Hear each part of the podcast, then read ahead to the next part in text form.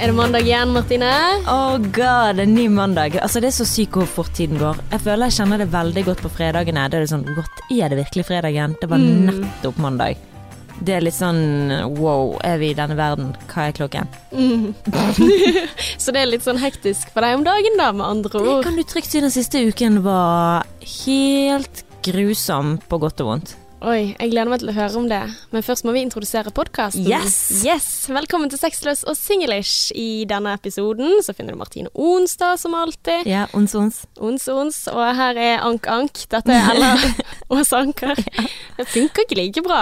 Ank, ank, nei. Men Nei. ons, ons er jo one night stand, sant? Ja, jeg skjønner. Mm. Og Ank Ank, det er liksom når du prøver å fange menn med ankeret ditt. Oi, Ja. den var dyp! Ja, Nice. ikke sant? Uh, ja, det er fint. Ja. Det er fint. En podkast om kjærlighet og dating, som du kanskje har skjønt, siden vi er både på ankring og eh, onsing. Onsing, ja. Ja, ankring, det hørtes ganske eh, grovt ut. Nei, men det passer jo egentlig veldig bra, da, med tanke på at uh, sexless og singlish, forhold og dating, sant. Altså i forhold til ankre og i forhold til å ha one night stands. Ja, og i dag så skal vi ikke gå rett på one night stands, eller det kan jo hende at det er det det er, men vi skal gå mer på romantikkens side av denne datingjungelen vi lever i.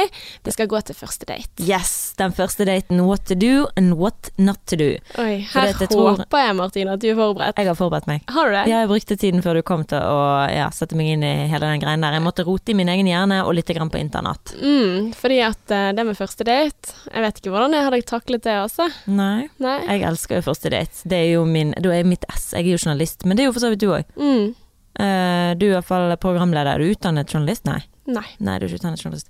Men uansett, det ligger i mitt hode, så uh, om det blir kleint, så har jeg alltid spørsmål. Det, Mm. liksom, det ligger automatikk oppi hodet mitt. Ja. Og jeg er genuint nysgjerrig, så det er Mm. veldig lett for meg å prate med folk. ja. Så hvis det blir pinlig stillhet Det morsomste er at faktisk morderen på første date og andre, det var superpinlig. Kjempelenge. Åh, Ja. Oh. Og det sånn, det skjer aldri med meg og menn, men jeg var på date med. Det var sånn, og hvis det var pinlig, mm. så så jeg det ikke igjen. Men hvis det var pinlig, er ikke det litt sånn når det blir pinlig stillhet, at da kan den ene tolke dette som litt sånn romantisk stemning, nå er det på tide å get some action? I mitt tilfelle overhodet ikke. De gangene det har vært pinlig stillhet, så har det bare vært sånn Nei, jeg vil ikke være her. Mm. Han ene sa faktisk det. Jeg er mye bedre på tekstmeldinger enn jeg er i virkeligheten. Jeg bare mm, Ja, Det merket jeg, men fint at du har selvinnsikt, i hvert fall. uff, det var en trist selverklæring, holdt jeg på å si. Det ble med den første daten, for å si det sånn. Ja, men jeg tenker jo med litt mer selvtillit, så kanskje han hadde blitt bedre da, i real life. Ja, kanskje det. Og det morsomste er jo at det er den dyreste første daten jeg noensinne har vært på.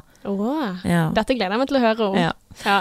Du vil Men- ikke dykke inn i det nå? Jeg kan bare nevne det. Det var jo bare det at uh, vi rett og slett var på escape room, Mm. som han betalte for. Etterpå gikk vi og spiste på Sumo, som jeg betalte for. Og Sumo oh. ble jo sånn 800 kroner. Shit. Ja, det er dyrt å date, altså. Ja, Jeg det er det i hvert fall hvis du gjør sånne ting. tror jeg har vært på to første dates i mitt liv. Å? Ja, Ja, jeg gjør det til forhold ja eller. Så. jeg, jeg tror faktisk ikke noe annet uh, går som date, da. Eller kanskje tre. Jeg tror det var tre. okay. Men det var flere til stede, så da er det sikkert ikke første date. Men ok, Martine. Nå har du sagt at det var en grusom uke på godt Ja. og vondt. Uh, ja, Hva har skjedd? fyr løs. Jeg er så klar for en rolig uke at jeg har ikke ord. Og denne uken har jeg sagt til meg sjøl, nå skal det bare være to. Eh, egentlig én ting hver dag, men i dag blir det jo to uansett. Så i dag har jeg eh, redigert en artikkel som jeg jobber jo for en lokalavis. Mm. Eh, så jeg har skrevet på den, og så måtte jeg sove i 20 minutter, og så møtte jeg deg. Så det er det to ting jeg har gjort i dag. Ja. Og det blir med det. Og sånn skal det fortsette resten av uken. Så i dag sier jeg nei til å være med en eh, god venninne, fordi at jeg bare nei, nå skal jeg holde meg til to ting, så vi får bare ta det seinere. Mm. Vet ikke når. Så sånn skal jeg fortsette denne uken her. Men forrige uke, da var det så mye. Jeg har jo vært eh, konferansier eh, på Bergen Beauty med. Kjellemann, min kollega. Og så har jeg vært eh, debattleder i panel Wow. på søndag, og da var jeg um, Det er ikke mye fred. Nei, og før jeg skulle i den paneldebatt, så måtte jeg innom til Alveparken, som jeg jo jobber for eh, sosiale medier for, for å filme en sånn søndags eh, eh, bursdagsfeiring for en 90-åring, da. Eh, Mm. ta litt bilder og filme og sånn. Så det er liksom pjum, pjum, pjum, pjum. Jeg må jo Jeg, jeg skjønner ikke hvordan jeg får oversikt over livet mitt, egentlig. Nei.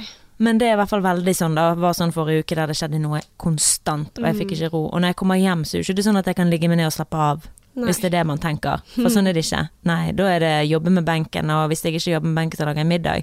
Og så plutselig klokken halv ni, og da må jeg legge meg. Hvordan jobber du med benken? Å ja, det er Adrian, vi har jo på å bygge vindusbenk. Mm. Men hvordan jobber du med benken? Ja, er det sånn pussing, eller er det Ja, det er egentlig bare å hjelpe Adrian med å holde planken når han skal sage. Så det er veldig sånn Men det er jo bare det at jeg er nødt til å være der og gjøre det. Det er jo drittkjedelig. Ja, sant det er. Åh, det er helt grusomt kjedelig. Ja. Uh, men i dag, og det som òg har skjedd, er at jeg har fått sånn superhevelse i tannen min. Sånn hevelse i tannkjøttet. What? Um, så jeg bare sånn Det var for en uke siden det begynte, og så i helgen bare var det helt jævlig. Jeg klarte så vidt å spise, for det gjorde så vondt. Uff meg. Så jeg bare ringte til en tannlege etter sendingen i dag og bare sånn Kan jeg få lov til å komme med en eneste flunkende gang? Jeg fant sånn billigste tannlegen i Bergen. Det er lurt å gjøre. Okay. Sjekke opp i hva som er den rimeligste. hvor gikk du? Eh, jeg tror det het Bergen tannlege. Det var fra Rådhusplassen rett borte med Blå stein, eller sånn Torgallmenningen her. Så billigste tannlegen. Ja, og Ja. det var ikke så ille. Eh, og hun var supergrei. Og da kom jeg inn der, så sa hun det at jeg har, akkurat som jeg fryktet, fryktet, jeg har eh, sånn betennelse i tannkjøttet. Nei. Eller inni tannen, eller på tannen. På to av tennene. Ene visdomstannen har jeg, så den må trekkes om en uke. Oh. Og den andre, den var hun litt usikker på om hvor alvorlig det var. Det kan være det forsvant av seg sjøl, så nå skal jeg gå på antibiotika i en uke. Mm. Og så skal jeg da operere eller dra ut. Hun sa var usikker på om det ble inngrep eller om det skulle bare dras ut. Mm. Åh, det er så vondt med betennelse i tannkjøttet. Det er dritvondt. Jeg klarte jo ikke å ligge på den siden av kinnet når jeg skulle sove. Men det som er bra, er at antibiotika funker som en kule. Ja. Altså, ja, Med en gang du får den, så tar det noen timer, så kjenner du virkningen. Har du begynt på en... Ja, jeg tok en tablett i dag, så Ja. jeg skal ta en i kveld. Så, men kjenner ikke du det at det er litt bedre? For min del så er det sånn wow. Å ja. Ja. ja kanskje, altså, kanskje når du sier det, Ja. men jeg er jo veldig dårlig på å legge merke til sånne ting. Men, eh, ja, det, altså, det, men jeg kjenner det litt, men det er ikke smerte sånn som det bare går, da. Mm. Men eh, det må jeg bare si til absolutt alle. Og hun sa det var så bra at jeg kom med en gang, Mm. sånn at vi fikk eh, gjort dette. For dette kan jo råtne, ting kan skje. Sant? Vi er jo veldig sånn unngå tannlegemennesker. Mm. Eh. For alt det, for det er dyrt, og du bare vil ikke. Mm. Men det er jo, kan jo bli mye dyrere. Hun sa jo det at hvis eh, det ikke går vekk, så må jeg rotfylle og sånn. Oi. Ja, så Men får ikke du det støttet av staten til dels Delvis, når det jo. er visdomstenner? delvis, ja, hun sa det et eller annet om Mm, det. At ja. jeg får delvis støttet. Ja, for jeg har fått tre fjernet av mine, da. Ja. Mm. Ja, men hun var så snill. Altså Seriøst, jeg vil bare anbefale alle å gå der og vite hva de heter. Men det var bare amazing. Og hun ga meg, for at jeg skulle slippe å kjøpe sånn munnskyllevann på Mm. apoteket, så ga hun meg inni en sprøyte. Sånn Ja! stor sprøyte. Så hun sprøytet inn, så slipper du å kjøpe det, så ga hun det til meg. Ja, det har jeg også fått. Jeg har også Åh. fått tannbørsten min. Jeg vet ikke hvordan Å jeg gud, jeg skal skulle kjøpe den tannbørsten, ja, det glemte jeg. Sånn bitte liten. Ja, det var det jeg fikk, da. Ja. Og da ble jeg litt sånn Ja, dette er jo sånn barn får. altså, trenger jeg tannbørste? Altså, for jeg hadde masse sånne matrester baki når jeg hadde betennelse der. Mm. Har Har det- du hatt betennelse? Mm, men mine liksom ligger nedi der, så da blir det bare en sånn sump. Og så samler det seg masse mat. Dette er jævlig nasty. Unnskyld, Martine, men jeg sier det på forhånd. Eh, og han han dro liksom ut sånne eh, middagsrester fra flere dager tilbake, og Oi. viste det til meg. Jeg følte så sånn shaming. Så det er sånn 'Nå, hva hadde du til middag?' Og så viste han litt sånn just ruccolaballit. Det er sånn som tannleger og dere som voksedamer at viser deg hårene dine, for de Mm. tror at dette er kjempe, dette syns de er gøy, så du bare sånn Kan du ikke vise meg de hårene? Ja, og det hjelper jo ikke at han er en ganske pen mann også, sant? Oh, så jeg blir liksom sånn Nei, vær så snill, ikke vis disse matrestene til meg, da. Og så, så jeg blir liksom sånn skamfull og blir sånn Nei, nei, ikke Men hvordan gikk det med deg, da? Hva skjedde? Uh, jeg har trukket tre av fire, Oi. så jeg må ta den siste også, for der hadde jeg litt betennelse. Men uh, jo, på den ene så var det en beinbit som hang igjen. Ok. Ja, eh, så da ble det billig i tannlege, for det fikk jeg gratis da når han fjernet den beinbiten et år etter operasjonen. Så nei da, men veldig flott tannlege. Så tannleger er egentlig overraskende hyggelige. Ja. Ja. ja, hun i dag var helt magisk. Jeg er veldig glad for at hun er dame, ikke mann. Altså, Mm. jeg hater å gå til menn med sånne ting Så det det. Ja, for du, du spytter jo det i ansiktet. Og, Ja, altså, det, de du sitter der og bare ja. De ser jo det styggeste sånn inni munnen din. Sånn, øh, Men vet du hva min sa da? For at forrige gang så hadde jeg betennelse, og så begynte jeg å gråte sånn stille, så rant det tårer ned fra øyekroken. Og så tar han liksom, og så stopper han opp, og så ser han meg inn i øynene, og så sier han det er noen som må være tannlege også. Og jeg tenkte bare sånn å, smelt! Å, ja. søt. Ja, du må bytte til han. Ja. Nei, men herlig. Men, Nei, det, eh, så det var bare mitt lite sånn opprop, for det har jeg lyst til å si til folk at man må sjekke ting. Hvis man er usikker, gå til tannlegen med en gang. Ikke vent, Mm. for da kan det bli 100 ganger verre, og dyrere, ikke minst. Ja. Men hvordan har det gått med deg siden sist, for du er jo midt i flyttekaos. Og- Ja, jeg har hatt bursdag. ja, det har du òg! Gratulerer med oppstart. Jo, takk. Det var en fin dag. Det var veldig fint å ha sånn pausedag, som er sånn OK, nå skal vi bare spise pizza og kose oss. Så jeg hadde liksom to feiringer forrige uke, så jeg kjenner liksom at jeg har mer energi nå. Mm. Fordi at jeg har liksom hatt litt pause, men i helgen så har det vært tilbake igjen full kjør. Men jeg flyttet inn i ny leilighet. Den forrige leiligheten ble solgt, og Så deilig. og nå er det liksom bare to uker til neste overtar, så nå er det litt sånn der shop, shop, eh, skynde seg, flytte ut, eh, ferdig og sånn. Så jeg lever jo i et sånt kaos, men samtidig så er jo det kjempekjekt. Jeg føler det som julaften da, når jeg tar og pakker ned kassene, og så pakker jeg det opp i det nye. Så jeg er sånn Å, se på denne, den Ja. er min. Og så er det sånn Den skal stå i det skapet, og den skal stå der. Så jeg, jeg føler egentlig at eh, nå er liksom Nå er det the fun part, da. Den er i gang, så nå tenker jeg at OK. Let's do this, sant. Uh, sitte seg i sofa i leiligheten, og det er så utrolig deilig.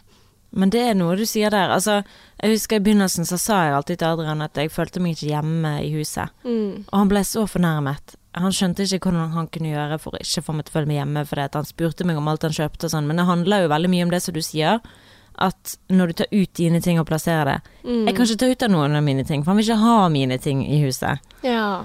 Så ja, altså det er jo noen kamper man må ta. ja. Altså, for jeg merker jo det at eh, jeg har veldig mange flere ting enn det Mm. kjæresten min har.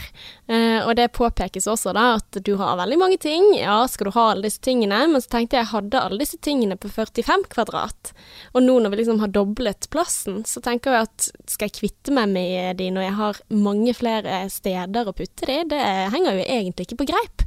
Og de tingene er en del av meg. Jeg er glad i tingene. Eh, de har en verdi. Jeg hater å kaste, sant. Um, ja. Men det er jo klassisk, da, for nå flytter dere til noe som virkelig føles som hans sitt, og det føles som ditt sitt. Mm. Og det er nå dere liksom skal kjempe om hva som skal bli, for den forrige leiligheten var mer sånn her skal dere bo, men ikke for evig og alltid. Men nå er det sånn eierskap til der man bor, sant. Ja, og der var det han som flyttet inn til meg. Mm. Sant? Så det er jo en annen ting også, for da hadde jo jeg på en måte at ja, nei, dette her er mine ting. Og så har jo jeg mye klær, men nå har jeg fått mye større skapplass, og ja, jeg tenker på en måte hvor skal jeg kvitte meg med de? Jeg liker jo ikke sånn bruk og kast-samfunn, jeg. Jeg må Nei. bare finne liksom en måte jeg kan bruke de gamle tingene på. Mm. Så det er litt sånn som jeg kjenner på at dette blir gøy. Dette blir skikkelig stas, og jeg er veldig sånn motivert for å ha system og sånn. Eh, han sier at det er uaktuelt at jeg ikke skal ha det, for da må tingene gå. Og jeg skjønner det, men eh, jo, nei, nå, nå begynner det å bli gøy, Martine. Nå er det snart Mm. der, da. Men jeg vet ikke, hvor lang tid bruker man på å flytte ut sånn skikkelig? Ja, det er et godt spørsmål. Jeg, altså, du vet jo, jeg bor jo i kaos. Ja. Gjør du det? Det er ganske fint hjemme hos deg. Takk. Ja. Men uh, hvis du går ned da, uh, på soverommet vårt, Mm. så har vi ikke noe skap. Det eneste vi har inne på soverommet vårt, det er en seng. Mm. Og klær som ligger flyter på Men den ene hvor har du klærne dine, da? Det er inne på kontoret, altså inne på det rommet ved siden av vårt soverom. Ja. Og der er det jo òg, det flyter jo i søppelsekker, og så har vi masse Vi har søppelsekker, og vi har sånne eh, gamle sånne skringlete, du vet, sånne stålskuffer ja. fra Ikea eller sånn. Sånn trådkorger eller Ja, noe sånt. ja. Mm. Så alle klærne ligger overalt. Og akkurat faktisk i dag så flyttet jeg alle klærne fra, eh, av Adrian Mm. fra soverommet, for det lukter sånn sånn når det ligger oppå hverandre. sånn, skjønner du hva jeg mener? Menn sin lukt. Ja. Så jeg flyttet alt det der inn på gjesterommet, så får han bare tåle det. For jeg er sånn jeg er sånn luftfreak. Det skal luftes, Mm. og men eh, jeg merker som veldig mange menn i hvert fall eh, glemmer liksom den luftedelen. ja, men alle klær, altså dameklær også, lukter jo hvis du har de. Altså sånn så som jeg føler jo for at alle klærne som jeg har hatt med meg, som har ligget i bossekker mer enn en uke, føler jeg har litt sånn Ja, sånn innesperret, innesperret lukt. lukt, selv om de Mm. er nye. Men kanskje det har ligget én genser som har vært brukt en dag, eller Ja, det er så irriterende det Ja. der, at du må vaske hele tiden for at det skal lukte greit. Altså Mm. lukter det sånn innestengt da. Ja, og så er anbefalingen at vi vasker eh, faktisk for mye klærne våre. Mm, altså med tanke på slitestyrke i klærne og Ja, så vi må bare være flinkere til å ta vare på de underveis, da. Ja. At vi må liksom henge de opp, uh, sånne ting. Men hvor ofte vasker du sengetøyet? Oi. ja, nei, altså det er jo en sånn Det er jo veldig deilig med rent sengetøy. Ja. Men det kan jo Altså jeg merker jo av og til Altså gullstandarden er vel en gang i uken. Eh, jeg tror det som er ja, reelt annenhver uke, kanskje. Ja. Men så, altså sånn opp igjennom, så er jeg av og til, altså når jeg bodde alene, så tror jeg det kunne gått en måned eller noe sånt. Ja, jeg var dritslekk på de tingene. At jeg tenkte ja, ja, det er jo bare jeg som sover her. Og det er jo litt nasty, sant. Det er Nei, der det begynner å lukte, sikkert. Nei, men altså, der er jo meg og Adrian litt forskjellige, for han er jo sånn Han føler at han bor på hotell, sier han, for jeg bytter sengetøy så ofte. Men jeg er jo en gang i uken. Ja. Jeg må bytte det. Ja, men det, det støtter jeg. Altså sånn gullstandarden er det. Altså det Mm. hender at jeg gjør det, men samtidig øh. Altså, ja. Jeg glemmer, og så er jeg litt sånn ja, ja, ja. Ja. Men det nye sengetøyet, det er så deilig. Det det jeg gjør i helgene. Alltid jeg vasker sengetøyet. Mm. Hver helg. Men, eh, nei, men det er en spennende tid du går inn i nå, eh, og fordeler ting og sånn. Eh, så jeg er veldig spent på hvordan dere kommer til å gjøre det, og hvordan eh, ting blir. Og, altså, vi Mm. diskuterer alt fra planter, liksom. Eh, Ja. For han vil liksom ikke ha for mye planter, eller han mener jeg ikke tar vare på plantene, bladi, bladi, bla. Mm. Ja, vi har ganske mange planter. Men de får bli. Men Ja. han er liksom den som passer på plantene, da. Så ja. ja. Men han har ganske god stil, altså. Ja. Så han får styre kanskje mer enn meg, men det er fordi at hvis Altså, da vet jeg OK, det blir fint, eller Det blir Ja, det blir fint. Mm, men akkurat når jeg skal ha denne jævla buddha-statuen min fra Kremmerhuset inn et eller annet sted Buddha-statue. Jeg har en sånn buddha-statue. Altså, jeg har jo sånne små dipper, men alt eh, mitt er jo billig i hans øyne, sant. Mm. Hvor han har sånn samleobjekt fra fuckings en eller annen auksjon, Hva eller skjedde med det der sebrateppet med hodet? Ja, Nei, det blir ikke mer snakk om, heldigvis. Okay. Det Så dere fikk det ikke? Nei, det blir ikke noe sebrateppe på Yes. gulvet, for å si det sånn. Nei. But just know, der går grensen min, altså. Ja. Ja. Mm. Se, sa jeg sebra, eller sa jeg elefant? Sebra. Ja, for jeg så for meg elefantteppet, så jeg var sånn «Åh!» Elefantteppe! Jesus Christ! Det var jo brutalt. Ja, det var skikkelig brutalt. Men eh, ja, OK, men det var godt jeg ikke sa det. For jeg måtte bare sjekke. Jeg fikk blackout. Sånn, ja.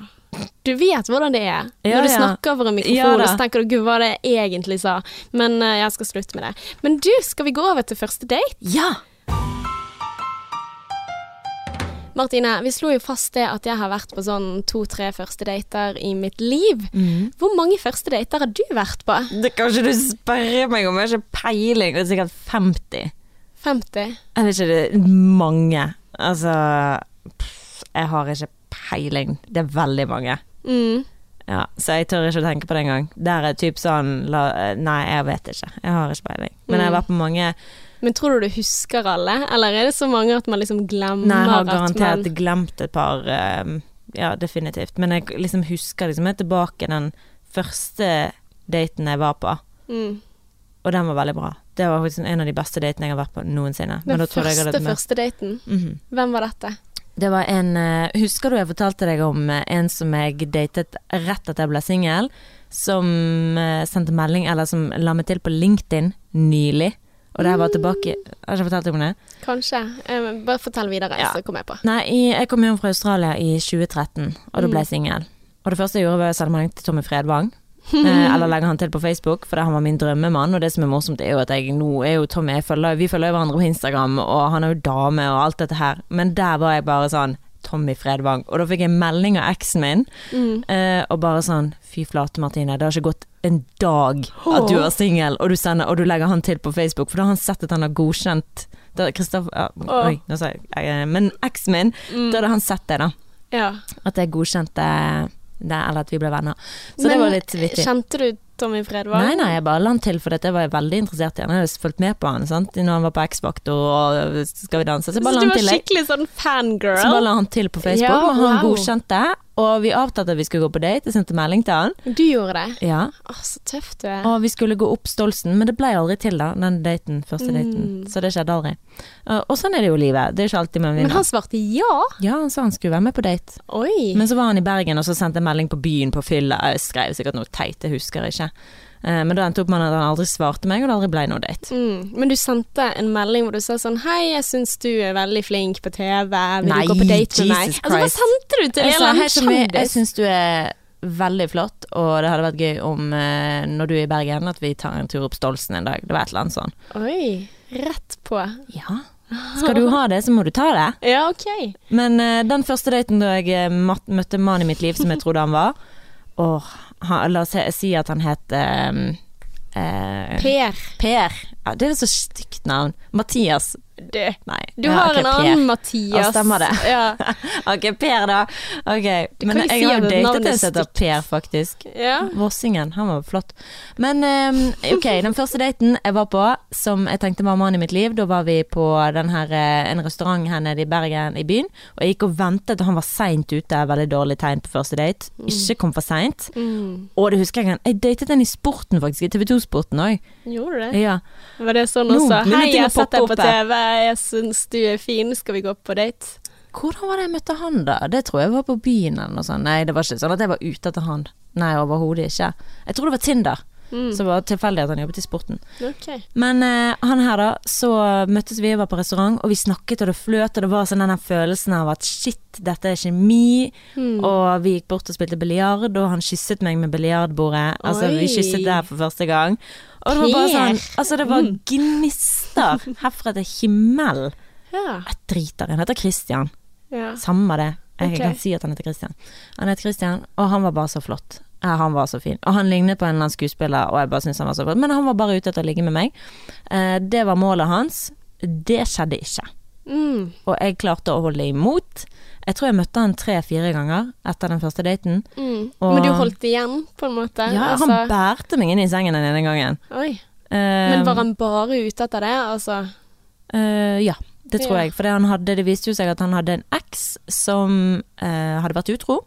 mm. Og da var han sånn på hevntokt, fikk jeg Nei. inntrykk av. Jo, det fikk jeg veldig inntrykk av, at han var på hevntokt. Han var ikke interessert i å eh, engasjere seg i deg som person. Han ville bare bow chicka bow wow og liksom ligge seg over henne. Og det endte jo på med Mm. at han ble sammen med henne igjen. Oh. Men jeg tror det ble slutt igjen.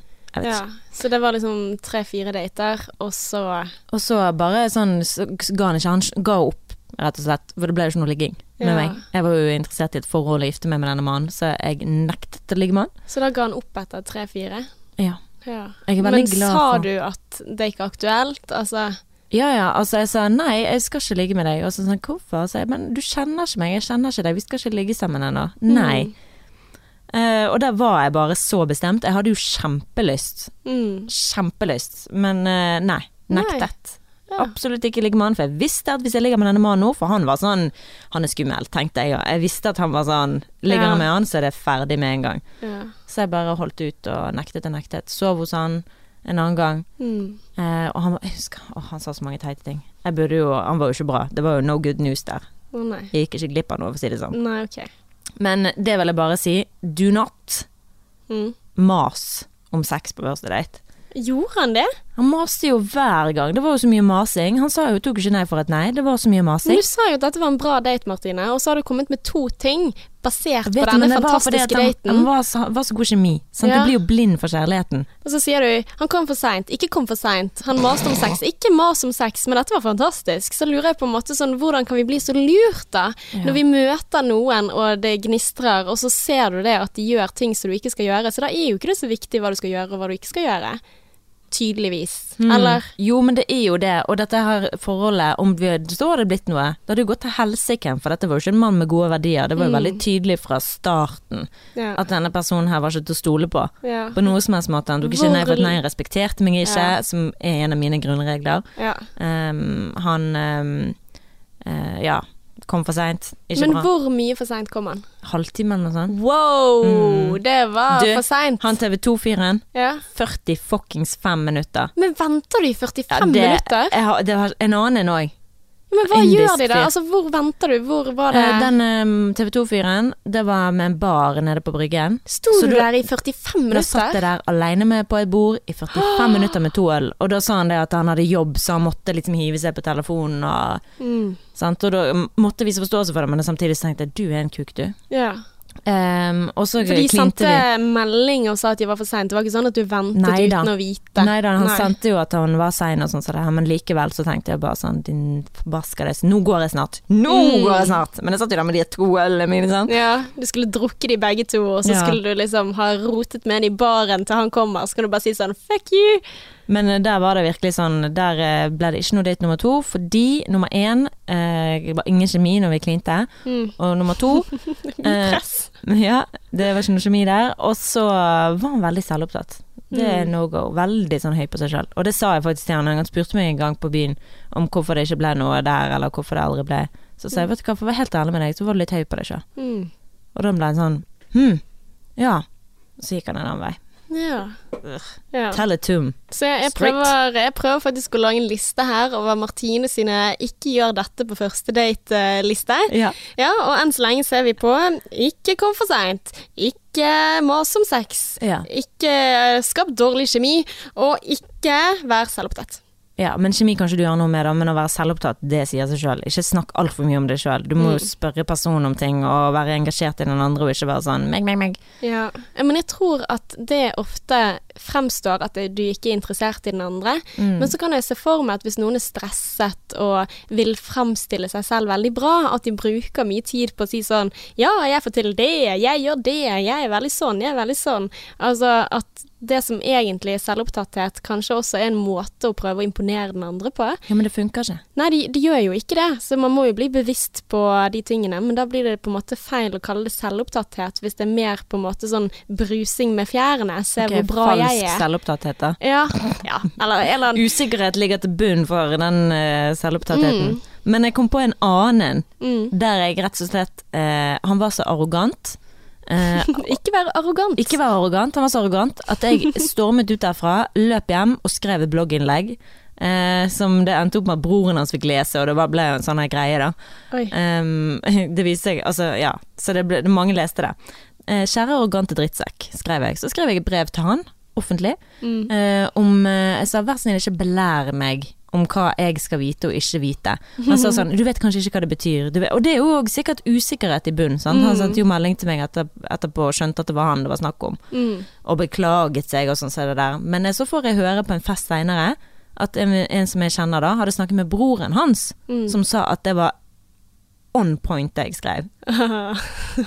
Og det var broren som sa at det var on point. Oi, det var eh, Ja. Og vet du hva som er morsomt? I helgen jeg var på eh, bryllupsmesse, eller ikke bryllupsmesse, men på den der eh, makeup eh, beauty-messen, Mm. så møter jeg han.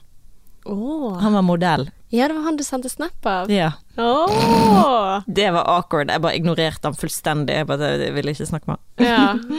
ja, men jeg tenker at hvis du ja, går på en sånn ting, så tenker jeg at da har du en del selvtillit, da kanskje. Altså at du har litt den der eh, hei-hei. Ja, ja. Altså, han var jo pen, mm. men han hørte jo på Céline Dion og var veldig Men Céline Dion, det går ikke an å disse Céline Dion. Jo. Jeg elsker Céline Dion. Gjør det? Ja, jeg gjør det. Gjør ikke du? Jo, jeg Altså- gjør det. Men altså, hvis, du, hvis kjæresten din eh, digger Céline Dion, det er innafor? Mm, Ja, jeg tror han er ganske oh, ja. gira på Céline Dion også. Altså, Think twice ja.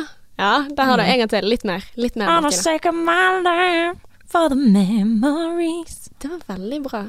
Ja. Ja. We think twice. Men uh, ja, altså det er jo power i den musikken. Altså, Ja. nei, det er ikke noe galt med deg hvis du faktisk Nei, det er eh, bare da- min litt dømmende side som sier det. Men da Men tror skal jeg- ikke like Céline Dion. Ja, men da tenker jeg på en måte at da er det ikke en usikkerhet i bånn. Da er det bare en fantastisk selvsikkerhet som ligger bak. Hvis du kan gå ut og si Celine Dion, that's my kind of girl. Ja, Ja. det, ja. Skjønner du hva jeg mener? Ja. Ja. Men uh, første date, hvis vi skal ta noen problemstillinger, da. Uh, Mm. Du uh, hadde fått en melding om en som lurte på om det var greit eller teit med blomster Yes. på første date. Mm. Har du noen tanker om det? Ja, jeg tenker jo bare kjør på, det sa jeg til han òg. Jeg sa du må jo bare gjøre det, det viser jo bare at du er omtenksom og er veldig lite typisk norsk. For det er typisk Mm. norsk, det er jo å la de åpne døren sjøl, la de gjøre det sjøl.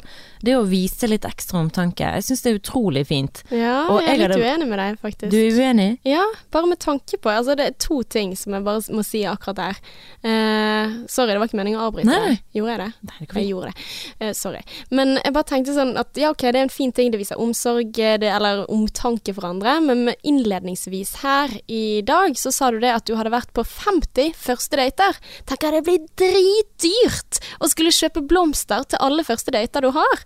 Da tenker jeg at wow. Og så tenker jeg også at det kommer jo helt an på hvem er det du skal på første date sammen med. Mm. Er det en Tinder-date eller noe sånt, og du får første altså blomster med en gang, så tenker jeg sånn oi, shit, så det er sånn du varter opp andre jenter også. Det er ikke noe spesielt med disse blomstene, sant? Altså, herregud. ja, men det, det tenker jeg sånn Sånn som han fyren sendte melding til meg, så tror jeg ikke at han er sånn som går på uh, date hver fredag, for å si det sånn. Okay. Jeg tror han er mer sånn som går på det en gang innimellom. mm, Uh, og at dette da var en dame som han hadde snakket med en stund, mm, og som han hadde store forventninger om og ville varte opp litt. Mm. Så det er jo selvfølgelig Det er ikke sånn at på hver første date, hvis du går på date torsdag, fredag, lørdag, skal du kjøpe blomster til hver eneste. Mm. Men det må jo bare være sånn, føler du for det? For jeg tenker sånn Hvis han sender melding til meg og spør om det er innafor, Mm. det betyr at han har lyst til å gjøre det. Og hvis han har lyst til å gjøre det med akkurat denne damen her, så Ja. må jo han gønne på å gjøre det. Men hvis det er en spesiell, for der har jo det noen ting å si. Eh, hva slags eh, forhold hadde dere forut for denne daten? Er det en du har eh, snakket med på nett og har fått god kjemi med? Altså er det,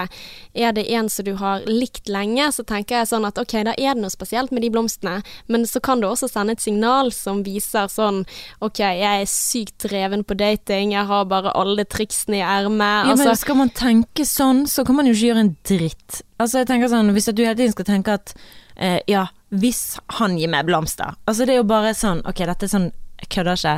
Alle 90,9% nå er veldig dramatisk, men mange kvinner ehm, oh, er sånn Nei, kvinner. Okay. Når, eh, menn, nei, når menn gir de noe, så er det sånn «Ja, Hva er grunnen til at du gir meg dette, da? Mm. Sånn, vi er superskeptiske til komplimenter, superskeptiske til gaver. For det er sånn Ja, hva er det du har gjort nå, da? Mm. Jeg husker vi hadde sånn det- greie på jobben hvor menn fortalte at de hadde gitt roser til damer på Valentine's Day, og fire av fem hadde vært veldig skeptiske til hvorfor de blomstene lå på bordet. Mm. Men uh, nå skal det sies at altså, det, for min del, da, sant, når jeg krasjet mamma sin bil, hva gjorde jeg? Jeg kjøpte blomster, sant. Men det er jo etter jeg har sagt det, da, så hun visste hvorfor det var der. Men det er jo en fin måte å si unnskyld på, da, på en måte. Og vise at gud, takk for at eh, at du er du, og du tok dette så fint, sant. Eh, Jeg hadde jo ikke gjort det hvis hun hadde skjelt meg ut, tenker jeg.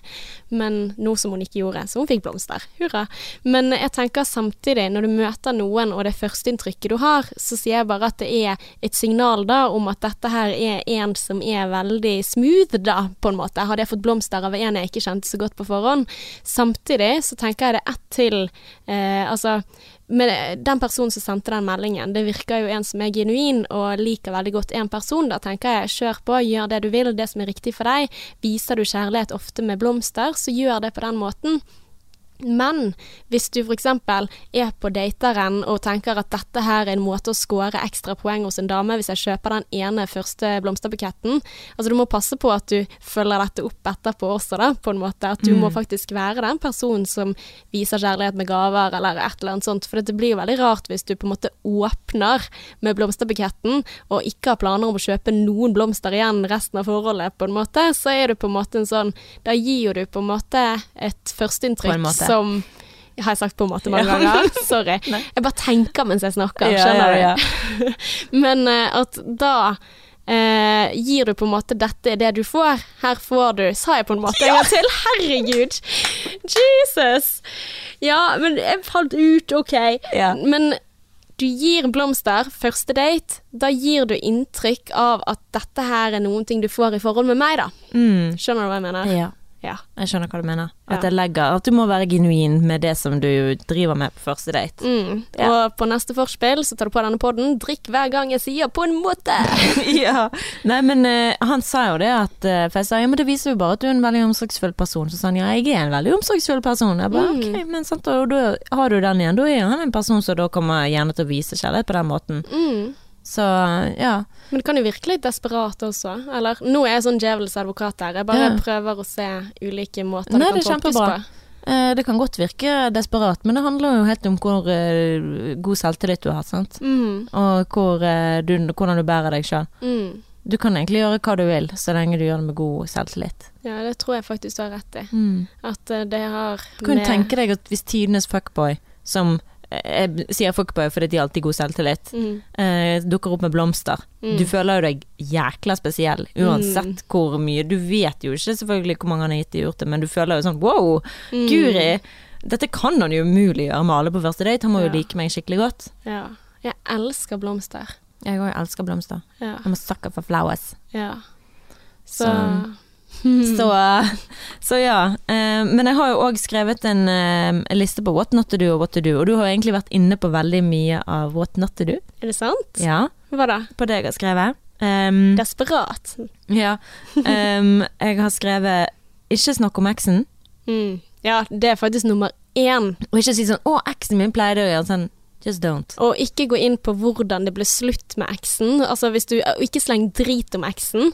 For det, altså, du tenker kanskje at det gjør at den andre tenker at å, yes, du er i hvert fall ikke forelsket i eksen din, men samtidig, ja, hvis du tenker sånn om eksen, så er det en sannsynlighet for at Du du, tenker kuk. sånn om meg også. I framtiden. Ja. Eh, Da er du en Altså, jeg var jo på det Rett før jeg møtte Adrian, så var jeg på en date med en fyr som var sånn 42. Mm. Og han eh, hadde et barn fra før av, og han snakket så stygt om den eksen at hun var helt forferdelig. Mm. Og at eh, de var i rettssak, og jeg bare sånn Jesus Christ. Tror du jeg har lyst til å møte Men han dukket jo opp på jobben min dagen etter med juice til meg, da. Men jeg måtte Oi. bare sende melding til han og si Han lagde juice sjøl. Wow. Men jeg måtte bare si at eh, du, dette funket Mm. ikke for meg. Og så sa jeg det at jeg hadde møtt en annen, det var jo da Adrian. Mm. Så det er jo litt sånn som på jobbintervju. Du snakker aldri dritt om forrige arbeidsgiver. Riktig. Mhm. Do not do that. Og ikke snakk om økonomi. Nei. Ikke snakk om hvor mye du tjener, eller hvor mye du Oi. Oh god. Ja, men samtidig så er jo det mange interessante Hva tjener du da? Ja, Hva altså betalte du for den leiligheten? Jeg vet du hva det verste jeg vet? mm. Dette no offence hvis du hører på og har gjort dette med meg, men um, det, er folk som spør meg, da. Om uh, hvor mye det koster for huset, for de ser etter hus oppe i, i fjellveien de òg. Så hvor mye koster huset? Det er sånn det, det, Adrian er veldig sånn Det svarer du ikke på. Mm. Han blir sånn sur fordi han syns det er så frekt, Mm. og der han er fra, så er det bare sånn uhørt å spørre folk om hvor mye det Selv om det og egentlig er offentlig informasjon, Mm. så er det Men bare sånn Du bare snakker ikke om det. Mm. Hva kostet huset? ja. ja. Så nei, ikke snakk om økonomi, vær forsiktig med det. Vi nordmenn er veldig eh, på det der, nysgjerrig på hva den tjener og hva det Mm. koster og sånn. ja, det er sant. Så just don't. Uh, og eh, ja, jeg var på en date med en fyr, og det Mm. ble med den eh, daten, men det hadde ingenting med um, selve det å gjøre. Det hadde bare med at disse bildene hans på Tinder ikke viste den han var i virkeligheten. Mm. Han så ikke sånn ut. Å ja. Ja. ja. Så du bør uh, være ærlig med bildene dine? Ja. Ja. Det burde du. Men får du match, da? Mm. Nei, du- men det må du jo bare risikere. Altså det, du, det som skjer da, er jo at du kommer på date, og så er den andre personen Å ja, Mm. Ok, veldig negativt innstilt til den Mm. personen. Men jeg satt jo og snakket med han da, men det første han sa til meg var Jeg tar den runden, jeg, så tar du neste. Ja, det var han, det, ja. Ja. ja. Mhm. Du- Så Nei, du kan ikke si det. Du kan ikke forvente at jeg skal Altså Det spørs jo òg veldig hvem som har invitert Mm. ut hvem her, men jeg bare syns det er så usexy. Det er sånn La det være opp til meg. mm. For da tenker jeg sånn Ok, du er sånn gjerrigknark. Mm. Du kommer til å telle hver gang du kjører gjennom bompengeringen. Ja. Tror ikke, tror ikke vi skal møtes igjen, på å si det sånn. Ja. For man bør jo på en måte bruse litt med fjærene, så kanskje da kjøpe blomster, sånn som du eh, Ja, men som ikke, snakket om i du kan sted. vise det på en måte, men du trenger ikke å Altså, jeg husker jeg ble så sjarmert av en som bare kjøpte tyggis. Altså, vi skulle innom Mm. butikken på en date, og så skulle jeg ha tyggis og en eller annen sjokolade, og så sånn eh, jeg tar deg. Mm. Det var så Det var, bare, det var jo første date. Og det er snakk om ti kroner, liksom. Ja. Altså, ja. Så det er bare de små ting. Og så er det det som du nevnte, mase om å bli med hjem, ikke ok. Mm. Eh, hva er favorittfargen din? Det husker jeg Adrian spurte meg om. Du spør ikke om det. Hva er det for et spørsmål, da? Du, hva finner du ut av det, da? Det høres ut som et spørsmål som ror deg ut av pinlig stillhet. Ja, Ja, for det var pinlig stillhet, ja, for det er litt sånn sånn Jeg kommer ikke på noe å si. Jeg kommer ikke på noe å si. Så er det på en måte sånn Si noe, si noe, si noe. Si noe. Favorittfarge! Ja, Ja. det var sånn. Mm. Um, og så er det det her aldri det å snakke seg sjøl opp eller ned. Ja ja, på hvilken måte da? Altså ikke snakk deg ned, ikke si 'nei, men jeg er ikke så god på det', eller 'nei, men jeg er ikke så Det jeg var er jo så ikke gøy! Hva? Det var så gøy! Eh, på halloween da, så var- tok jeg bussen hjem fra mamma, for hun hadde arrangert bursdagsselskap fra meg. For meg. Eh, klarer ikke å snakke i dag heller. Men eh, da satt jeg på bussen, og da var klokken sikkert sånn tolv eller noe sånt. Og så var det et par som nettopp hadde møttes, som satt og pratet ganske full, men satt på bussen da og skulle bli med hverandre hjem, da, sikkert for første gang. Hadde sikkert møttes ute. Og da satt jeg liksom og godtet meg med å høre på deres samtale, og det var så koselig, og veldig litt sånn au i hjertet mitt, da, for hun var nok eh, nettopp fylt 20, kanskje 19-20 årene ish, og snakket om når hun skulle få barn, når hun skulle gifte seg, og når hun skulle gjøre disse tingene her, da. Så hun var sånn ja, men det er lenge til jeg er 25, for da skal jo jeg ha mitt første barn, og så skal jeg gjøre det og det og det, så tenker jeg Girl, not gonna happen. Eller du er veldig heldig hvis du får alt på stell til 25, men iallfall. Men de snakket om dette her da, sånn opp og ned, for da, da satt hun først og sa sånn Ja, jeg er ikke noe smart, jeg. Men så var det så hyggelig, for da sitter han ved siden av, og han bare ikke noe smart, jeg heller'. så, men da tenkte jeg de tingene som du sa. Så tenkte jeg sånn Ikke si det om deg selv, det er nok ikke sant. sant? Hun snakket om mye interessant. Jeg satt jo og hørte på hele veien eh, hjem fra byen. så gud, sitter du og lytter på folk på bussen? Mm, nå er det lenge siden jeg sittet på bussen, men nei. For jeg har alltid på headset. Mm. Nei, jeg eh, bryr meg generelt ikke om hva folk sier. eh, Men dette var en så fin samtale, da. Ja. De, det fløt veldig godt, og du så liksom det at hi-hi, de skal hjem og pule. Oi, hello. Bow, chicka, bow, wow. Ons, ons, ons. Nei da. Men jeg håper at de blir sammen for evig og alltid. Uh, men iallfall så var det dette her med at de snakket hverandre, eh, seg selv ned, men så ja, møttes de på det, da. Ja, det var jo veldig cute. Ja. Men sånn generell regel, Mm. eh, så er det veldig usexy med dårlig selvtillit. ja. Og hvordan få god selvtillit? Det er jo å være hjemme med deg sjøl, og gå gjennom de der negative tingene med deg, og jobbe med det. Og vi snakket jo liksom det på denne beauty-messen, da, eh, i panelet, om hvordan bli den beste versjonen av deg sjøl. Det var jo tema. Mm. Og da var det dem, demonene på skuldrene som alle erkjente at de hadde, sant. For det er jo det, man har jo de. Det er den det er, det er ikke deg. Og det der, å la den spise deg opp, det er det vi må passe på. Mm. Pass på at den djevelen ikke snakker deg ned. Ja. Det er ikke deg, det er en annen bevissthet av deg sjøl som prøver å preke piss til deg. Mm. Og det, hvis at du rasjonaliserer de tingene som blir sagt, at du er ikke god nok, eller hold Mm. kjeft, du er ikke smart nok Eller, Eller, altså, altså, og, og i tillegg, bare si det selv om du ikke mener det. For sånn som hun jenten på bussen, jeg er helt sikker på at hun ikke mener at hun egentlig ikke er smart. Mm. Sant? Så jeg tror at ved å si det mange nok ganger, så kan du plutselig lage det til en sannhet om deg selv som ikke er sann. Mm. Tenker jeg, da. Mm. Men det er derfor du må ikke Altså, du må stille deg sjøl kritiske spørsmål som om du skulle vært i rettssak mot Mm. deg sjøl. Bare sånn Ja, men gir dette mening? Er dette det som jeg tenker nå. Ja, men, og liksom rasjonalisere det. Se det. Ja, men hvorfor? Hvorfor? Spør deg ikke. Mm. Hvorfor er jeg det? Hvorfor? Gi meg, gi meg bevisene for at jeg er mindre intelligent. Mm. Gi meg bevisene for at jeg ikke er pen nok. Mm. Og gi meg bevisene for det motsatte. Ja, For sant? det er også lurt, sant. Ok, hva er det som beviser at jeg faktisk er, Er pen. Ja, er smart. er likt, er god. Mm. Så det, det er viktig, altså. Men vi har snakket mye om hva vi ikke skal gjøre. Jeg har en liste på det motsatte. Har du det? -hmm. Så bra. Ja. Eh, what to do? Ok. Hvis temaet ikke var et spørsmål, hva ville du Nei, hvis det penger ikke var et spørsmål, hva ville du gjort? Sant? Hvis det at uh, du ikke Altså, dette er et spørsmål man kan stille, da. Mm. Uh, og da tenker jeg sånn For å få vekk det overfladiske, sant, så kan man gå på sånne gøye spørsmål som mange sier. Du, hvis, du, hvis penger ikke var et tema i livet, hva ville du gjort da?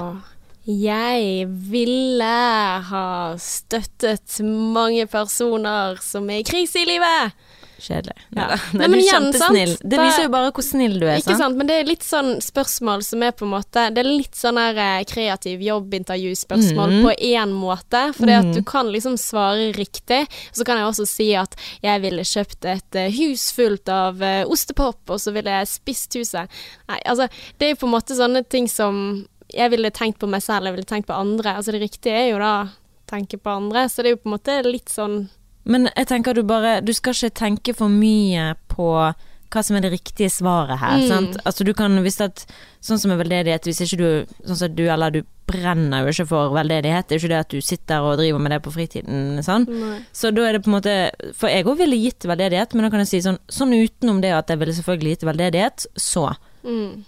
Sant? Så har du i hvert fall sagt det, Så får du ut av veien. Reist jorden rundt, hvor ville du reist? Ja, sant. Gå inn på de tingene der, for det er da man blir kjent på sånn Ja, vel det rette Peru? Aldri vært der. Har ikke du vært i Peru? Jeg har vært i Peru. Elsker Peru. Og kødder du? Mm. Da, da, da, da, da. Connecting.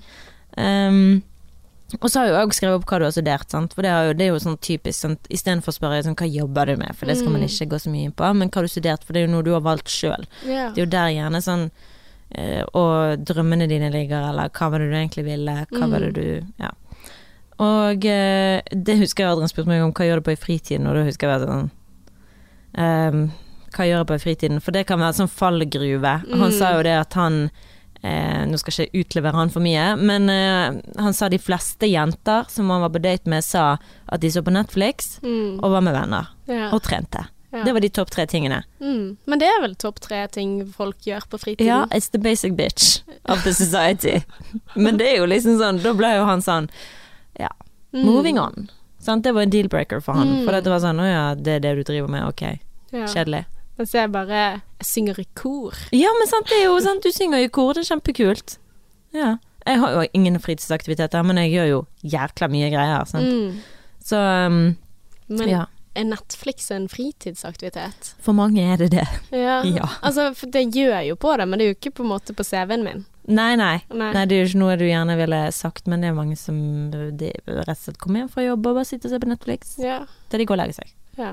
Men det er jo gøy, da. Ja, jeg ser jo den. Eh, elsket å gjøre det sjøl. Kanskje det var et så forsøk på sånn eh, Min fritidsaktivitet er Netflix and chill, sant? Og så har han bare ikke skjønt at uh, chill Ja. At det var en sånn flørtete kommentar, da, kanskje. I en datingsituasjon. Jeg vet ikke, men det, han har jo vært på veldig mange dates, så det er jo sikkert kommet i forskjellige varianter. Det Ja. er svaret der. Mm. Men eh, så har jeg jo skrevet ned eh, noe som jeg eh, For du har lyst til å vite hva de negative sidene til den andre personen er, sant? Ja. Uten at du kanskje sier hva er de negative sidene? Hvis Men vi du- hadde vært sammen, og du hadde gjort det, og jeg hadde gjort det slutt, hvorfor hadde jeg gjort det slutt?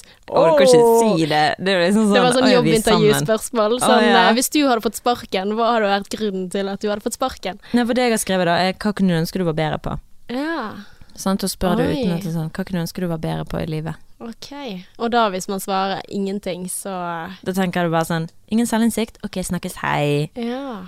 Men du skal jo ikke snakke deg selv ned, så du må jo på en måte Nei, men altså, du, når du spør, du skal ikke sitte og si nei, jeg er ikke så god på det, nei, men jeg er så dårlig. Men Mm. når, når spørsmålet blir stilt, sånn, så må man kunne svare på spørsmålet. Åh, Men jeg syns det er veldig vanskelig. Litt sånn truende spørsmål, disse her. Altså, jeg merker jeg blir litt sånn nervøs. Shit, å hjelpes. Hvordan skal jeg svare på det på en god måte? Og jeg er Nei, men det er interessert det, i du skal du Tenke sånn. Ja. Du skal bare du skal være ærlig. Det er sexy at du gir faen i om jeg liker deg. Ja. Ok, så det hadde vært min dårlige side. da. Jeg er litt for opptatt av at andre skal like meg. Ja, Mhm. der, Jeg vet tåler ikke at folk er Yes. sinte på meg. I love it. Ja. Jeg er det sånn, wow. kjeft. Men det er deilig. For da er du ærlig, og du bare sånn wow, det var forfriskende. Mm. Det er jo sexy som bare juling, sant? At du tør å si det til meg på første date. Martine syns jeg er sexy. Ja, og i hvert fall med de brillene du har på deg i dag. Oh. Ja, det var sånn, eh, ja, skikkelig nydelig. Sånn lærerinneopplegg. Så- Men jeg får litt eh, Altså, for jeg har minusglass, så jeg får litt mindre Ja, du øyne. gjør det. For jeg tenkte Ja. på det i sted. Du får litt mindre øyne, men det, Ja. det kledde du. Det var akkurat som om du fikk et nytt sånn eh, annet utseende. Det er jo ganske mye større enn jeg tar de av. Eh, Ja. vittig. Så det er en av grunnene hvor jeg tenker at derfor så går jeg ikke med. Mm, Men eh, ja. ja.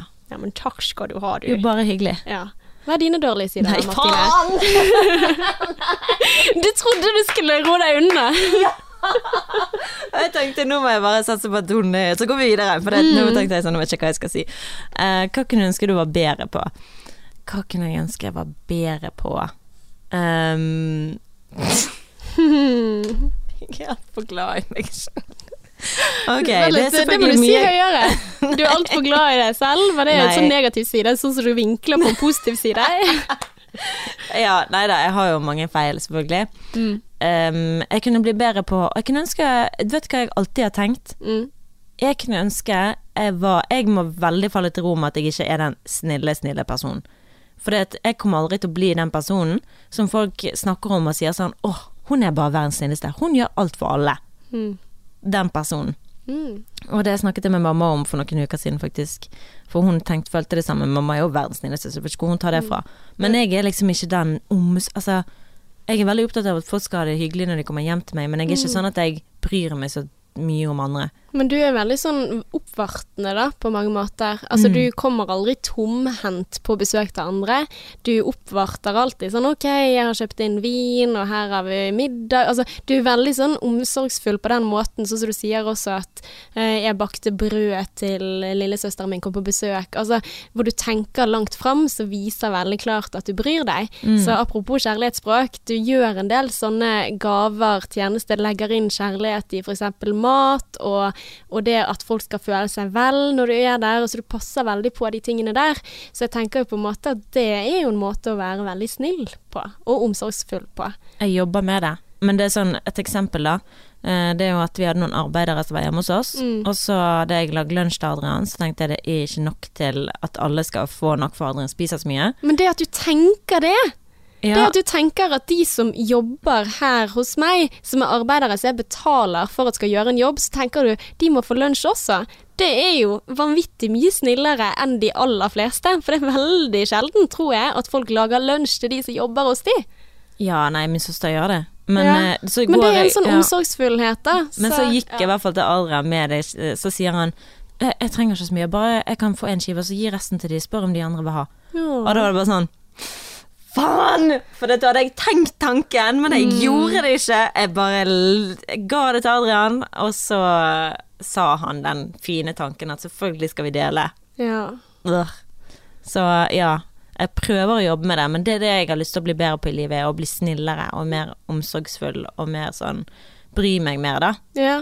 For jeg kan bli litt sånn Jeg kan være veldig hard. Veldig Ja. sånn streng. Men vi alle har jo våre negative sider. Altså sånn som Jeg føler på en måte en ting som jeg er flink på, da, som jeg kan snakke meg selv opp, er jo at hvis jeg har venner som opplever en krise eller noe sånt, da kaster jeg bort det jeg holder på med, og så sier jeg OK, ring meg når som helst, eller avlyser de tingene, og så er jeg der for deg. Ikke det at jeg gjør noe spesielt når jeg er der, men jeg hører på deg, liksom. Eller jeg hører eh, hva de har å si, og så har jeg ikke noen løsning eller noe sånt, men bare det at du skal ikke stå alene i dette. At da blir det viktig å følge opp de vennene mine som jeg bryr meg om. Det er sånn jeg viser, på en måte. Men det der å gjøre sånn som vi snakket om med kjærlighetsspråk, med tjenester og sånn, sant? det syns jeg er mer ork. Sånn å gå og kjøre og hente noe på Flesland, eller eh, sette mitt liv på pause fordi at du skal få det litt lettere å gjøre noen ting som du egentlig ikke sliter med, på en måte. Og der kjenner jo jeg meg selv at jeg får sånn ah, dette må jeg bli flinkere på, eller dette her er ikke bra nok. Gud, jeg eh, setter veldig sjelden meg selv til side for å gjøre noen ting utover det vanlige i hverdagen, hvis folk har det fint. Um, og da tenker jeg på en måte, ja, jeg kan jobbe med den siden, men så kan jeg også innse det at ok, der er ikke jeg så god. Det får være greit. Jeg er god på det andre. Sant? Man kan ikke være helt sånn her selvoppofrende heller. Jeg er ganske egoistisk, jeg, Martine. Og det er vi, de fleste, de fleste, mennesker. Ja, garantert. Og hvis ikke du er egoistisk, sant, så blir man kanskje Altså, Så er du Jesus på jorda og misunner deg på det. På en måte, Nei, men, men på, på en måte måte, på en måte ikke. For jeg er veldig glad for at jeg setter meg sjøl først. ja, men også er det det der med selvutslettenhet. Mm. Altså fordi at man må gi og ta. Men det er jo fortsatt deg du skal leve med, på en måte. Men jeg tror veldig mange, sånn som de menneskene som jeg snakker om som er veldig sånn som alle andre før seg sjøl, Mm. jeg tror de sånn er sånn. Jeg tror de elsker det, Altså, de tenker ikke åh, nå gir jeg så mye av meg sjøl. Jeg tror de elsker og det å gi til andre, Ja. og at det gir de mye. Ja, for da er det Men igjen, tilbake igjen til egoismen. Hvis det får deg til å føle deg bra, så er det det man gjør. Ja. Altså, det er jo sikkert også sånn at ok, hvorfor stiller jeg opp for venner som er i krise? Ja, jeg føler meg vel sikkert bra, da, men er ikke det Altså, da fins jo ikke alturisme, altså det der ubetinget kjærlighet til noen andre uten at du får noen ting igjen selv. Det er jo et spørsmål, fins det i det hele tatt? Men én ting jeg tenkte på. Tenk, jeg bare har lyst til å sette av noen sekunder for å vie en tanke til kjærestene til brødrene Ingebrigtsen. Jeg følger jo så mye med på de. Ja. Gjør du også? Nei. Team Ingebrigtsen, åh, de er så flinke til å løpe. Men tenk de kjærestene som får barn, og så sitter de alene når eh, menn er ute og løper og er på treningsleir i en måned Mm. i andre land, og så sitter de alene med alt dette her. Det tenker jeg at wow, det er bra folk, altså. Jeg òg har tenkt på det. Jeg tenkte på det den dagen. Og da tenkte jeg òg i forhold til folk som jobber på teater, eller folk som jobber eh, med kunst og musikk. Mm. Som drar på turné, og de enten må være med, eller bare være hjemme og vente på at de kommer tilbake. Mm. Eller de som jobber kveld i barer og sånn som det der. Kjærestene til de. Jeg tenkte tenk på det, bare sånn shit, er det ikke klart det? Jeg er så glad for at jeg får kjæresten min hjem klokken fire hver dag, sant? Og at vi hele tiden Ja, og at dere har delt hvem sine drømmer er det som er viktig her. Altså Hvis du ser på Du må se Team Ingebrigtsen. Åh, de er så fantastiske, den familien. Jeg elsker dem. Men da for eksempel, så hvis du ser noen sesonger tilbake igjen, så er det når eh, han eldste av de tre, Henrik, skal gifte seg, så er det på en måte sånn han må trene før bryllupet. Han kan ikke drikke vin til eh, middagen i bryllupet, og så må han gå og løpe etterpå. Og så blir Nei. eh, barnet født, så er det på en måte sånn Ja, men jeg må jo trene. Sant? Altså det, alt dreier seg om å tilrettelegge for deres livsstil og deres eh, mål om å løpe veldig, veldig raskt. Wow. Og da tenker jeg på en måte at da må jo disse kjærestene hele tiden føler at de må liksom sette seg selv til siden. Altså det er jo et offer i det å velge den type kjæreste. Så jeg tenker bare sånn Dette må være vanvittig store mennesker som jeg tenker Wow, jeg tenker på dere! Dere får ikke nok plass. Dere er nydelige mennesker, og ja, jeg har mye å lære der, for det er så langt fra hva jeg tror jeg hadde taklet, da. Same. Same. Hmm. Men hvis vi skal videre på denne her listen, da. Ja. Eh, da er vi straks nede på hvert fall det jeg har. Og, og det her er jo et sånn, sånn intervjuspørsmål. Mhm. Vi gidder ikke å svare på det, jeg vil bare nevne det. Eh, men hvis en panda kom inn i rommet med en meksikansk katt på, hva ville han sagt, og hvorfor var han der? Å, den er gøy! Ja, den er veldig gøy. Den ville sagt mjau. Ville han sagt mjau? Ja, Hvorfor var han der, da? han var der fordi at Um, han var glad for å se meg. Uh, jeg er glad i katter. Uh, Det er en panda, da. ja, det er en panda med en katt, og jeg Nei. tenkte bare katten Nei, på ryggen. meksikansk hatt på. Hatt! Å, jeg Ja. hørte katt, jeg. Ah, ja, du er så glad i og så du bare katt? Men ja, katt, den, den ville kose med meg, men pandaen, oi, den kom inn hit. Ja, med meksikansk katt på hodet. Oh, det var Hva ville han sagt, og hvorfor var han der? jo, tacofredag. Gud, jeg er en kjedelig person. Jeg har så lite kreativitet på sånne ting. Jeg kjenner jo at det dirrer oppi meg òg. Ja. Um, jeg tenker at den ville si at uh, nå er det innleggelse, eller Nå er det innleggelse, eller? Jeg Ja. tror han uh, ville sagt at uh, gratulerer, dere har vunnet en gratis tur til Syden, dere reiser i morgen. mm. Mens jeg som jobber i psykiatrien tenker at dette er en hallusinasjon, og nå er det på tide å oppsøke hjelp. Realistisk der, altså. Ja. Ja, ok, Neste spørsmål. Hva er den beste byen du har besøkt? Mm. Og meg er det jo veldig enkelt. Paris. Mm. Ja. Jeg er glad i London, jeg, da, men det er jo litt sånn kjedelig å si de nærmeste Ja, det er ikke så eksotisk. Ja. Hvorfor si er at du glad i London, da? Ja, jeg elsker den byen. Jeg syns på en måte at eh, jeg elsker livet. Jeg Jeg har vært der mye. Er sant? Mm. Jeg Syns det er så kaotisk. Ja, men jeg, jeg er så glad i det, og jeg tror kanskje fordi at uh, jeg dro dit første gang når uh, Da hadde jeg hatt lyst til å dra kjempelenge, uh, men i niende klasse, og så var det bare meg og mamma som dro, og så husker jeg på en måte at jeg fikk noen timer aleine, og så følte jeg veldig på det der sånn Å, jeg skal bli voksen, og så skal jeg bo i denne storbyen og klare meg selv, og så skal jeg gjøre sånn og sånn, og så skal jeg jobbe på denne lille kafeen, og liksom lagde sånn drømmelivet i hodet, da Mm. av at jeg skulle bo der og klare meg selv, og det å finne fram i den byen alene som eh, tenåring, det var på en måte veldig stort, da. Men eh, jeg har et godt forhold til den byen, da. Ja. Men kjæresten min har jo bodd der i to år mens vi har vært oh, sammen, så jeg har Ja. vært veldig mye der. Så Ja. jeg føler liksom at det Ditt andre hjem. Ja, eller på en eller annen måte, så jeg føler meg litt hjemme. Eh, og så har jeg gode venner der, Mm. eh, så jeg besøker og ja. Så det. Da har vi du det. har romantiske byen. Romantiske byen Paris. Og det er da når, han når jeg møtte han her nede i NIS, og han sa til meg eh, Det var jo en fyr som jeg da matchet med på Happen, som yeah. vi har hørt om før. Som eh, etter to dager inviterte meg til å bli med til Paris fordi han likte så godt måten jeg snakket om Paris på. Han ville at jeg skulle se det, og hvorfor ikke? Mm. Og det er bare sånn Å, du er så romantisk. Uh, men så jeg elsker romantikk, så derfor Paris. Veldig bra. Hvem ser du opp til? Hvem ser jeg opp til? Mamma. Meg òg, mamma. Det er klisjé å si, men mamma er mitt idol i livet. Og jeg hører at jeg begynner å bli mer og mer lik henne. Jeg sa det senest i går. Jeg bare Adrian, jeg føler meg av og til litt fanget i min egen kropp. For det, nå høres jeg akkurat ut som mamma. Det er som å høre henne. Hun, jeg snakker til deg som mamma snakker til pappa. Det er ikke helt ekstremt. Adrian, vet du hva jeg gleder meg til eh, Vet du hva jeg gleder meg til jul, jeg, kjære? Eller jeg kan bare si sånne, sånn veldig sånn mammaete ting å si. Sånn her ja, Vet du hva, det blir så koselig når vi skal gjøre det og det. Jesus Christ, superstar. Jeg er min mor. Volum to. Ja. Mamma pappa sier det òg. Dere er faen kliss lik. ja. Jeg gleder meg til å møte din mor litt mer. Jeg håper at eh, jeg kan Ja, vi eh, får til et mammatreff. Ja, det hadde vært veldig, veldig interessant og gøy. Men hvorfor ser du opp til din mor? Fordi at hun er veldig sterk. Eh, fordi at hun har stått i veldig mye vondt opp gjennom livet. Eh, og godt, selvfølgelig. Men hun har klart veldig mye på egen hånd. Og tror jeg har lært meg litt sånn stå-på-vilje, da. Og ikke gi opp. Og eh, ja, at verden kan være ganske vond, men vi klarer det likevel. Og det Mm. tror jeg er en veldig god lærdom å ha, da. At altså hvis du ser tilbake på barndommen din, tror du noen sier at uh, har du hatt en bra barndom?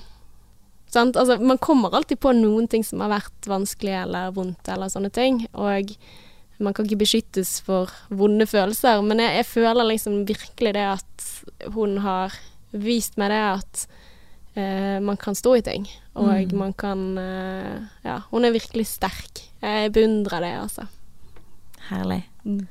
Ok, da er det siste spørsmålet, som kunne egentlig vært det samme svaret, men eh, hvem ville du spist middag med?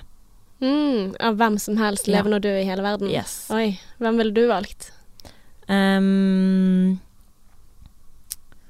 jeg tror Å, det er veldig vanskelig spørsmål, for det er mange jeg ville spist med. Jeg, jeg tror liksom jeg og Oprah Winfrey hadde gått utrolig godt overens. ja, ikke sant? Men det er jo et klisjésvar. Um, men samtidig så elsker jeg Jim Carrey, men jeg tror jeg hadde blitt litt skuffet, for jeg syns han var veldig ko-ko. ja. Adrian tror jeg ville spist med Britney Spears, men Britney Spears er ikke hjemme. Lyset ja. på, men ingen er hjemme. Uh, så oh, jeg er glad i Britney. jeg ville spist Britney, middag med Britney sånn som hun var noen, før alle tablettene hun har fått proppet i seg. Nå er hun jo ikke hjemme i det hele tatt. Mm. Jeg fikk Um, dette spørsmålet på jobbintervjuet, faktisk. Oh ja, hva sa du da? Jeg sa Justin Bieber. Sa du? Jeg kom ikke på noe annet, jeg bare sånn her Justin Bieber. Og så er jeg sånn nei, nei, nei, nei, det var ikke det jeg skulle si, sa jeg. Og så sier han jo, det er greit, men så kom jeg opp til at jo, jeg ville spise med Zimbardo, som er en sånn forskerdude som drev veldig, veldig spennende eksperimenter. Mm. Prisoners uh, Hva heter det der ene? Hvor uh, han hadde sånn ja, masse men elever på en eller annen skole, så lagde han skole om til et fengsel. Og så begynte folk å gjøre Altså, de måtte avbryte eksperimentet fordi at de gjorde så grusomme ting mot hverandre i rollen som fangevokter og fanger. Å ja, stemmer det fortalte du, det har du fortalt om. på Har jeg det? Ja.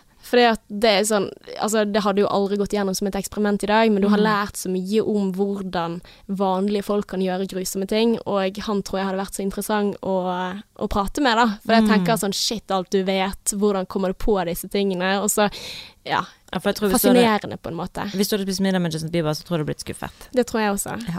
Ja. Det vil du ikke. Og det er derfor jeg heller ikke skal spise middag med Britney Spears. Nei. Men hvem hadde du valgt da, til slutt? Oh god.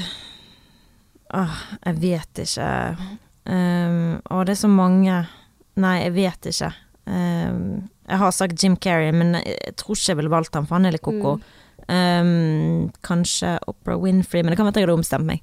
Ja. Kanskje Oprah Winfrey. Jeg Ja. bare tror hun er veldig hyggelig å snakke med. Ja. Og sikkert veldig jordnær og snill med alle. ja. Empowering. Kunne gitt Ja, det tror jeg tanker. også. Skjønner du? Men så tror jeg egentlig at jeg ville ikke valgt han fyren, og jeg ville ikke valgt Altså, man hadde sikkert valgt noe nærere da, til slutt. Ja, for det er jo òg Man kan jo komme opp med at man òg ville hatt uh, middag med min mormor, Mm. sant. Som jeg òg ville absolutt ha gjort. Hun er jo død. Ja. May she rest in peace. Mm. Men uh, ja.